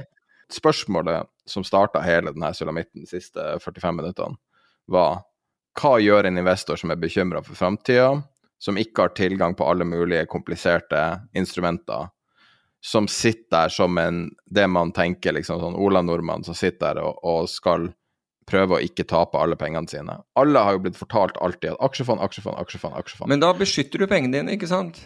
Altså Hvis, hvis, du, hvis du, ikke har tillit til noe og, og, tenker at nå er ting gærent, så beskytter du pengene dine. Og det vil si at du da enten har de på konto eller et eller annet sånt, eller, og sørger for at du får en høy rente på det. Og som vi akkurat var inne på, så er det mulig å få, få 5% på, på, på sparepengene plassert hos banker. Og det er mulig å få kanskje 8 eh, Og jeg vet ikke hvordan fondene opererer med inngang. altså nå har jo pris, altså Prisen på obligasjoner har falt, så jeg vet ikke om, om fondene fungerer som en obligasjon. Nei, fondene de mark to market hver dag, de. Ok, ja. ja, ja. Så da, da, burde det være markdown, da, sånn at, din, at du får ta del av oppsida med å komme inn i dag. Ja, ja. ja, ja. Altså, jeg, jeg vet ikke hvor markedet er, jeg bare sjekka. Det er jo 2300 obligasjoner som er notert på Oslo Børs. Uh, men det var jo ingen priser der. Alt sto bare til 100. Nei, det, det, er akkurat det jeg sier. ikke sant? Det er jo ikke price discovery på, på obligasjoner. Du må, du må, skaffe deg en Bloomberg-terminal ikke sant, og betale 300 000 kroner i året, som tar litt mye for, for en eh, privatperson å gjøre. Og selv da, når det gjelder akkurat eh, sånne high yield-obligasjoner, så vet du ikke om den kjøpekursen eller selgekursen, om om den som står der, som, som, kjøper det meglerhuset, om de faktisk vil betale den prisen, eller om de kommer til å si å beklager, den, den kursen er, er, er gammel, jeg, jeg, ligger en halv prosent lavere. Men tenk deg nå det vi snakka om, liksom, hvorfor Norge ikke har eh, råvarebørs, at det er liksom frustrerende. Men det, det, vi derimot har, er et veldig velutvikla high yield-marked. Men likevel så har jeg aldri hørt noen komme med budskapet liksom, at det er nå du skal komme inn. Det, det her er faktisk en mulig hedge. Og jeg sier ikke at det er en hedge, jeg vet ikke hvordan det er konstruert, alle de forskjellige fondsstrukturene og ikke minst de separate obligasjonene. Men det er definitivt et, et instrument som fortjener mer oppmerksomhet. Ja. For gjeld har en så grunnleggende Men det, det som er at du kan ikke bli milliardær på en, på en, på en eh, obligasjon, fordi at du har cappa oppsida di.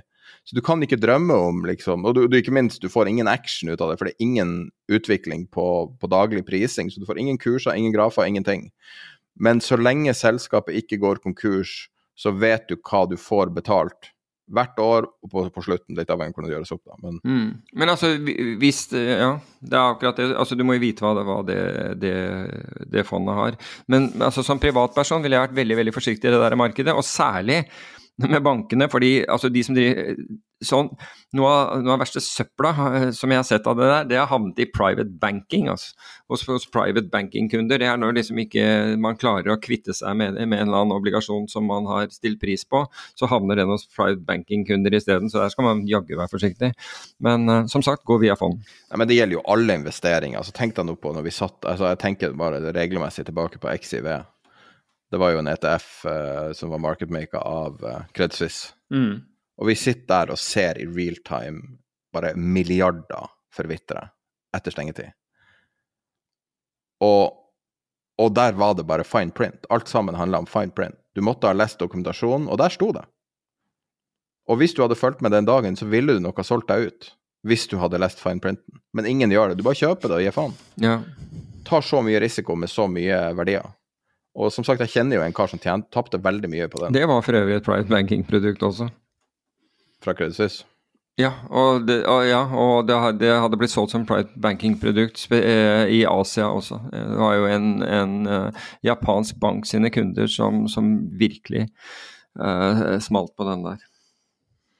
Men uh, jeg syns det er fint at vi slår et slag for et gammelt, et gammelt gjeldsinstrument som ikke snakkes så mye om. Ja, altså det, det snakkes om i det profesjonelle markedet. Det er et stort Ja, men det snakkes ikke om på Norge. forsida av avisene? Nei, det gjør det ikke. Men, men kan det ha med å gjøre at, at det, det er mulig at du må være profesjonell investor for å kunne kjøpe obligasjoner direkte, og derfor at det ikke snakkes om? Men, du, men du kan investere i fond?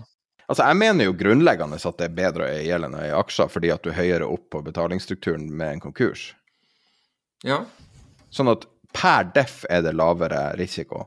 Av mindre visibilitet så er det vanskelig. Ja, men det har vist seg da, altså når du har en sånn der, eh, sak som Norwegian, ikke sant, hvor, eh, hvor det er sterke incitamenter til å altså, For å si det på den, måten, der, var det ikke de du, hadde, de du hadde kjøpt obligasjoner gjennom, de, de, de kjempet ikke din sak når de, når kunne tjene hundrevis av millioner på, på, på å gjøre det på en annen måte eh, i en refinansiering. Altså. Men det er jo som du sier, at hvis du vil ha action, så begynner du å hoppe i fallskjerm, og så kan du investere i noe kjedelig og med forutsigbar avkastning. Ja. Jeg er enig. Uh, og det er jo litt det der, Du kan jo ikke skrive avisartikler hver eneste dag om gjeld, for det stort sett flytter jo ikke på seg.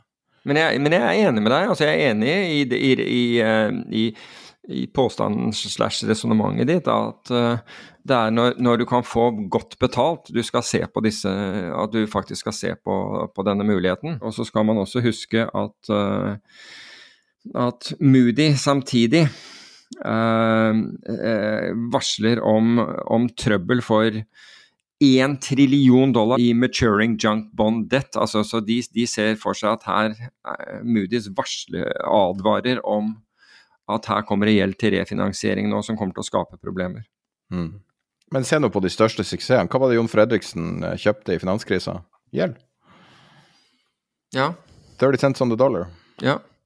Ja, ja, men det gjorde vi også, det. Altså, vi, vi, kjøpte jo, vi kjøpte jo DNB og Nordea-obligasjoner, og vi kjøpte til og med obligasjoner på en bank i Kasakhstan, tro det eller ei. Finanskrisen var jo helt fantastisk når det gjaldt å, å, å kjøpe gjeld. Det var jo helt, helt fantastisk. Det, det var jo problematisk å kjøpe gjeld, for alle var så redde på det tidspunktet at når man, når man gjorde det, så ikke sant, altså Én ting var, var, å, å forklare til norske investorer at man hadde kjøpt obligasjoner på, på Nordea, som, altså Nordea og, og, og, DNB, men selv det syntes de var, var kjemperisky.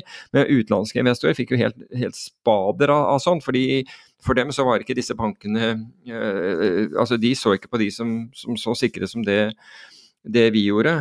Og jeg, jeg, husker da når jeg i en sånn Investor Call fortalte altså De spurte jo Grov om porteføljen spesielt under finanskrisen, og det skjønner jeg godt at, at investorer eh, gjør. Og gjorde, men da Jeg gikk gjennom der, og så, og så da den banken jeg nevnte i sted, den derre Kass Kommersbank, som var Kasakhstans kommersbank, altså da, da, Jeg husker jeg beskrev den for investor, for jeg syns denne her var fantastisk, et fantastisk kjøp. Og alt jeg hører er liksom et sånn dunk, og det, det var bakhodet han som traff gulvet, tror jeg. For da tror jeg han besvimte når han hørte at jeg hadde kjøpt en obligasjon på en bank i Kasakhstan. Så men altså, vi, vi, ga under 30 cent for den, og, og på seks måneder fikk vi 90 cent betalt, så det syns ikke det var så gærent. Alt, alt, i alt. Men uh, det var crazy times. Akkumulerte litt rente i mellomtida altså? Rente fikk vi i mellomtiden, og CDS-ene våre gikk riktig vei og, og sånne ting. Men, uh, men, det var, men, det var, en periode hvor altså, det var det var utrolig utfordrende å ha dialog med, med investorer, rett og slett. Fordi, um, fordi de var så redde. Så, men, men, sånn er det. Sånn er det i sånne perioder. Det er, det er derfor altså, du, skal ikke, du, du, skal ikke høre på nyheter, og du skal være forsiktig med inntaket av sukker, og så bare gjøre jobben din. Men du, kan jeg touche på en ting du hater sikkert mer enn noe, at jeg skal ta opp? Du okay. har sett det på lista, så du vet hva det er. Ja, ok. Hvilken er det? Hva er det? Uh, det er en ting jeg har skrevet om for et par år siden. Og um, jeg tenkte jeg skulle bare si, gjenta det som jeg skrev. Jeg tror den bloggen ble avpublisert uansett på, når vi bytta system. Um, det har vært, Hvis du har lest uh, avisene den siste uken, så ser du at folk står i kø for å kjøpe Mummikopper. Nei, det har jeg ikke fått med meg. Ok. okay. Uh, så Mummikopper er bare Det er akkurat det det høres ut som. Det er bare et, et, uh, en kopp med bilder av mummifigurer på. Og det her er et rigga marked. Så det her er eh, tilsvarer eh, galskaper fra 90-tallet, der folk kjøpte sånne kosedyr som steig i verdi implisitt, liksom. Og um, det heter Beanie Babies. Så det har kommet til Norge i aller høyeste grad. Vi, eller jeg skrev en blogg om det da i uh, eh, 2021, tror jeg. Og, og, da var det hele greia var hvordan det her markedet fungerte. Jeg kommer til å publisere en link i nyhetsbrevet om um, der er ei prisliste. For jeg kjenner noen som, som rydda i et skap og la ut på Finn sånne mummikopper. Ikke visste om det her i det hele tatt. Og fikk da eh, beskjed fra en kar om at du måtte heve prisen. Eh, det, her er, det, her er, det den er verdt. Og så fikk hun tilsendt en, ei prisliste. Jeg legger med den prislista, link til ei, det er en gammel versjon av den prislista. da. Jeg trodde du skulle si fant en mummikopp og bytta den i, en Bentley, men ok. Ja, men det er jo omtrent det det er. Det, altså, de høyeste er liksom altså På den lista så tror jeg det var Skal vi ta, ta opp lista? Så var det Jeg tror det var Altså det er tusener og tusener av kroner det er snakk om. Det, det, er jo bare hva som helst. altså Man kan jo få hva som helst til å gå i verdi hvis du får folk til å tro at det er verdt noe. Men jeg mener at den ene var priser til uh, teoretisk pris på 100 000. Eller, det var helt sånn latterlig. Men, men det her er en totalt galskap nå, som har tatt folk Folk har gått helt amok. Men bak forhenget på Finn så foregår det da prismanipulasjon av det her. Og nå finner jeg ikke det skjermbildet av For jeg hadde et skjermbilde i den bloggen, men når det ble bytta system, så forsvant det skjermbildet. Men jeg har noe, man får bare tro på meg. Jeg har et skjermbilde av den dialogen mellom denne personen som skulle korrigere hun jeg kjenner uh, og få henne til å heve prisen, sier du du kan gjerne kjøpe den for den prisen jeg har. Nei, nei, nei, nei, nei, nei. her er prisen. Du må endre prisen. Fordi at hele poenget er at de har funnet ut nå at hvis de kontakter alle sammen som selger, og får prisene opp, så kan man lage et kunstig høyt prisa marked. Og det her har en eller annen grunn tatt oppmerksomheten til en hel generasjon. Så nå når det kommer nye mummikopper, så lager de det, så får de en sånn kunstig scarcity. Wow. Og de sitter på Finn i direkte meldinger og sender hverandre meldinger og korrigerer alle som priser det feil. Og etter hvert så har nå folk skjønt det her, og så har de da prisliste og et manipulert marked. Selvfølgelig kommer det her til å kollapse som alle andre manipulerte markeder. Tenkte jeg bare skulle si det. Ja, jeg må innrømme at da, det er ikke det første jeg hadde, uh, første jeg hadde, hadde kjøpt, men uh, Men hvor er, det, hvor er det omsetningen foregår? da? På Finn? Vanlige butikker. Ok. Oi. Så kommer det et nytt slipp, og så har jo selvfølgelig sikkert de MUMI, Jeg vet ikke hvordan Jeg tror ikke det produsenten har noe med det å gjøre. Det her virker å være helt sånn uh, improvisert. Ja. Og det er liksom det, Men tingen er at hvis du har scarcity, altså begrensa opplag, så kan jo hva som helst bli verdt hva som helst. Mm. Før i tida så samla jo alle på frimerker, og frimerker var masse verdt. Plutselig er ikke frimerker verdt noe. I USA samla man på sånne baseballkort og folk brukte hele sin uh, formue på baseballkort. Nå er ikke det verdt noe.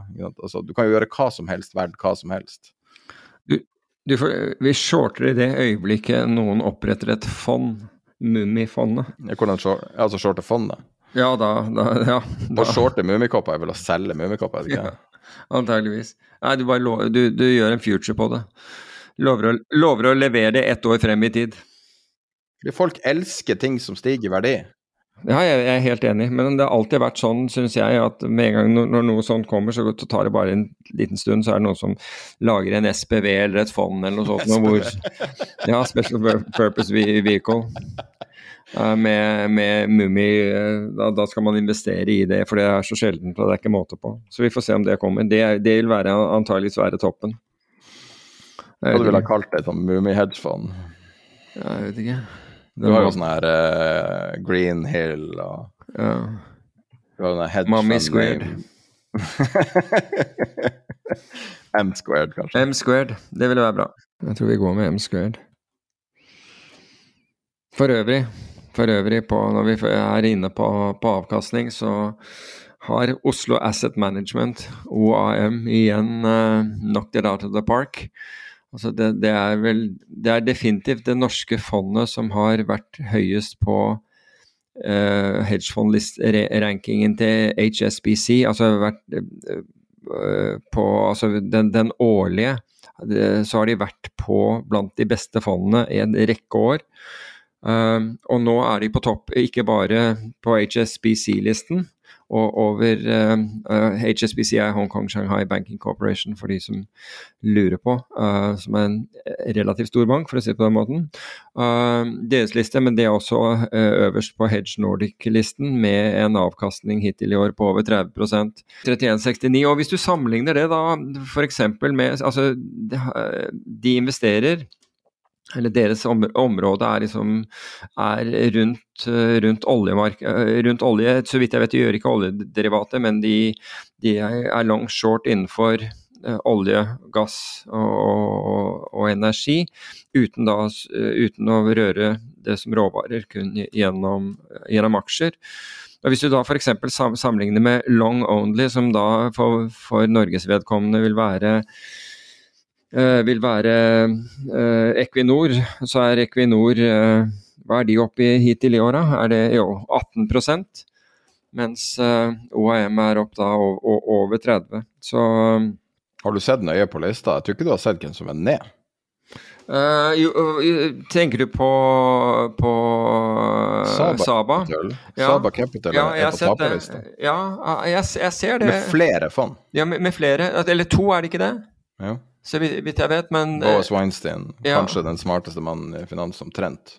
Ja, det, det, blir interessant å se om han ender året, året ned. Men han har jo ikke sånn der, altså, han har jo ikke sånn slå han helt ut av parken-type uh, type avkastning. Men han har, har, hatt veldig bra avkastning. Kan det være det at, at det er korrelasjon mellom obligasjoner og aksjer, at det forårsaker mm, ting som ødelegger? Vet ikke. Han gjør jo mye i gjeld, men han gjør jo også sånne ting som å, å Uh, og, det, har, ja, det er forbauset meg at ikke det har, har, virket, fordi han har, han har, vel Han bruker CDS, og han har jo fått mye riktig også, så det forbauser meg egentlig at han, han, er ned. Men det ene fondet hans, det CV-fondet hans, det som eh, kjøper eh, Hva heter disse closed end funds?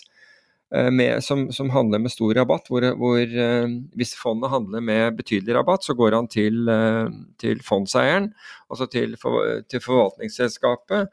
Og tilbyr dem og, Altså, han kjøper, kjøper da, la oss si at det handler med 20% rabatt. og, og og hvis ikke de er interessert i å gjøre noe, altså kjøpe tilbake andeler, så, så, tar, så, så, går han til generalforsamlingen. Og han har gjort veldig mye for at mange av investorene har, fått, har kommet ut til, til par da, av, disse og fått en veldig god av, avkastning på det. Og, så jeg så forleden en, en artikkel av, av, ham, og jeg snakket jo med han i, senest i Roma i år under den Goldman Sachs-konferansen, hvor han fortalte om flere av disse her, hvor rett og slett forvaltningsselskapet Eh, og, det, og, igjen så har det vært privatbanker som, som har, har starta, eh, startet egne fond, og så har de som har vært closed end, og, og som har handlet med betydelige rabatter. Og han, han har i hvert fall gått til litigation da, ved flere anledninger, og, hvor investorene da har fått en, eh, plutselig har fått en 20-30 avkastning i, i, forhold til, i, i, forhold til hvor, det, hvor, dette var priset. Men jeg tror ikke det er CV-fondet det er snakk om. Den ene er vel Tailend-fondet hans, og den andre er hva er det andre heter, Multistrategy. Nå har jeg det ikke foran meg, men er ikke det de, de fondene som er på den listen er? Saba Capital Partners og Capital Carry Neutral Tail Hedge Master. Oh ja, det er, den, det er den som eh, den, Der hvor han har blant annet Jeg tror han utsteder han har utstedt eh, indeksopsjoner og bruker det til å kjøpe uh, credit default swaps, eller til å betale for credit default swaps, den der eh, tail end protection-saken. Men skal vi runde av episoden i dag med et klipp fra det intervjuet vi la ut for tre dager siden på Patrion? som var den Pulitzer-prisvinnende journalisten og forfatteren Gretchen Morgenstern, som har skrevet bok om private equity-markedet, som snakkes veldig lite om, på tross av at det er en av de altså det, er, det er blant de største selskapene på jorda, og likevel vet vi mm. egentlig veldig lite om dem hun har gått i dybden på det, og det var utrolig informativt. Ja, så syns jeg det er en, en, en, veldig bra sånn I og med at det har vært en litt sånn private equity-debatt også i forbindelse med om oljefondet skulle, skal investere i, eh, i den aktiva klassen også, i den grad du, du kaller det en aktiva klasse, gjør vel det. Um, så, så, er det på en måte en litt sånn motstykke til en, en slik, slik, debatt, eller en, kilde da, som man kan bruke, en sensor for, eh, for diskusjonen. Jeg syns det intervjuet er er, kjempebra. Jeg eh, koser meg over å høre på det. Så her er et utdrag på ca. ti minutter fra intervjuet. Hele intervjuet finner du på vår Patrion-kanal, tiderpenger.no patrion. Vi er også tilgjengelig på Spotify nå, så hvis du bare søker opp Tiderpenger på, eh, på Spotify, så vil du finne to konto, der du ser bilde av logoen vår, som en, en, ser ut som en fjellkjede. Eh, det er den Patrion-kontoen, og der kan du aktivere din hvis du logger deg inn på Patrion på Spotify én gang, så vil du få det på Spotify direkte alltid. Det er en ny funksjon som vi akkurat har åpna for, som gjør det litt lettere å, å få uh, Patrion-innholdet på din vanlige avspiller. Men da går vi i gang med Gretchen Morgenstern. Morgenson, sorry. Uh, one of the reasons that I thought this was a really important topic um, is because I try to always find out what's going on beneath the surface or behind the curtain. Um, to try to help explain to really everyday people, um, whether they're investors, consumers, pensioners, what's going on financially in the world that will have an impact on them. And as you rightly say, there is so much about private equity, this business, that is hidden from view. It's really been a very stealthy takeover of um, huge sectors of the American economy. And so, what I hope to do with this book was to explain this takeover, this stealth takeover, to people so they know what's happening. Um, now, there's not a lot that you can do, but at least educating people about what's going on and how it is impacting them is important. In your perspective, what is private equity? And like how did it start? And how did it become so incredibly big? And also why do you think that something so important isn't being talked about? It's not being written about in in the news. It's not really talked about on on cnbc and like the dynamic is so unique. Can you can you explain it from your perspective? Okay, well, that's a, a lot in one question. So I'll take the last one first and then remind me if I forget any of your other questions. But um, why it's not talked about. You know, this is a problem with American journalism that really uh, does um, occur in other industries. But many financial journalists in uh, the US are really sort of um, impressed with the deal makers. There's a kind of an obsession with deals, with uh, transactions, with acquisitions, you know, mergers in the American financial press. And it really sort of hypes the deal makers and it hypes the uh, you know the sort of ecosystem surrounding these deals but it never really delves into the impact that these deals have on regular people whether they be the workers at the companies being taken over um, the pensioners uh, the customers. And so it's it's a fact really that um, i find quite puzzling about my colleagues in journalism in, in the US, but it is basically an acceptance and even an even a celebration as it were of these deal makers and so you don't have a lot of critical um, reporting on what the impact of these deals really are to people like you and me and that's a flaw in our reporting system. And I don't know what you do about it, but I think that you just have to try to have you I, I try to make my reporting different so that people understand the full scope of the impact of these acquisitions and these deals. So it's sort of a celebration of the wealthy, the deal makers, the Wall Street titans, it's that kind of a, a reporting stance um, that I really don't take, but that many, many others do. And that may be at least a partial explanation. There's also the fact, Sverre, that, that a lot of these transactions involve companies that are being taken private. Excuse me, private. And that means that there's less information about them than if they were public. And so it is tougher to get at some of the um, outcomes and some of the details about what happens after an acquisition. But um, it, it still is an important task. And that was what I was trying to do here. Now, the kind of private equity that I'm talking about in this book is really a sort of the the prime movers in the industry, the very big firms, the largest, most well known. Most of them are publicly traded now. Um, that use a tremendous amount of debt in these acquisitions and that hope to flip the companies, i.e., sell them at a profit in between five and seven years. And so that's the business model that I'm talking about. And the firms that I'm focusing on are Apollo Global Management, Carlyle Group, Blackstone, uh, KKR. And so you have these very, very large firms, very powerful, doing a lot of acquisitions over many, many years. And those are the ones that I'm really focusing on. There are smaller private equity firms that do not use as much debt. And so they have a different business model. If they put equity into a company, that's kind of a different thing. So this is really the very leveraged transactions using a lot of debt that look for a quick turnaround. And this industry really started back in the 70s. And you had, I think, the first big transaction that people would recognize uh, as a private, sort of precursor to the private equity uh, deal maker world was the RJR Nabisco transaction that occurred in the late 1980s.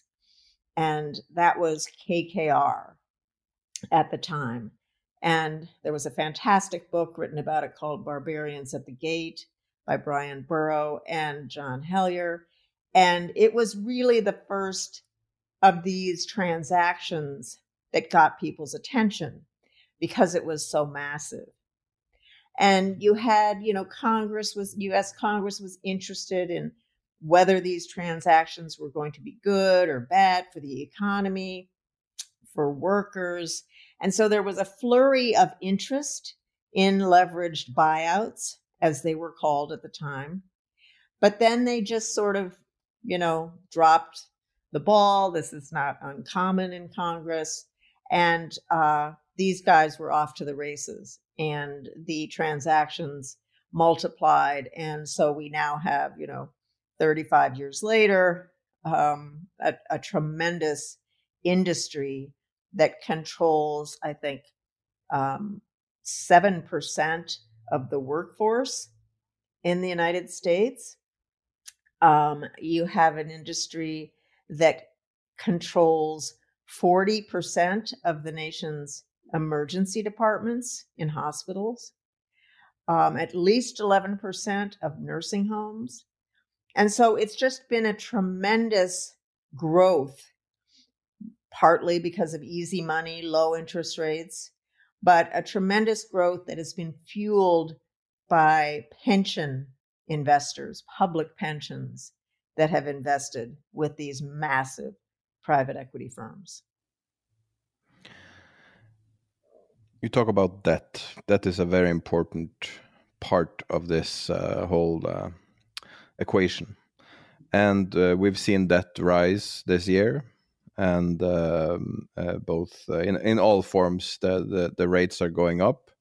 Uh, smart money are talking about a, a, permanent shift potential, maybe higher for longer and for a, for very much longer, and we can maybe say goodbye to the the low rate easy money times of the last um, 35 40 years depending on how you define it.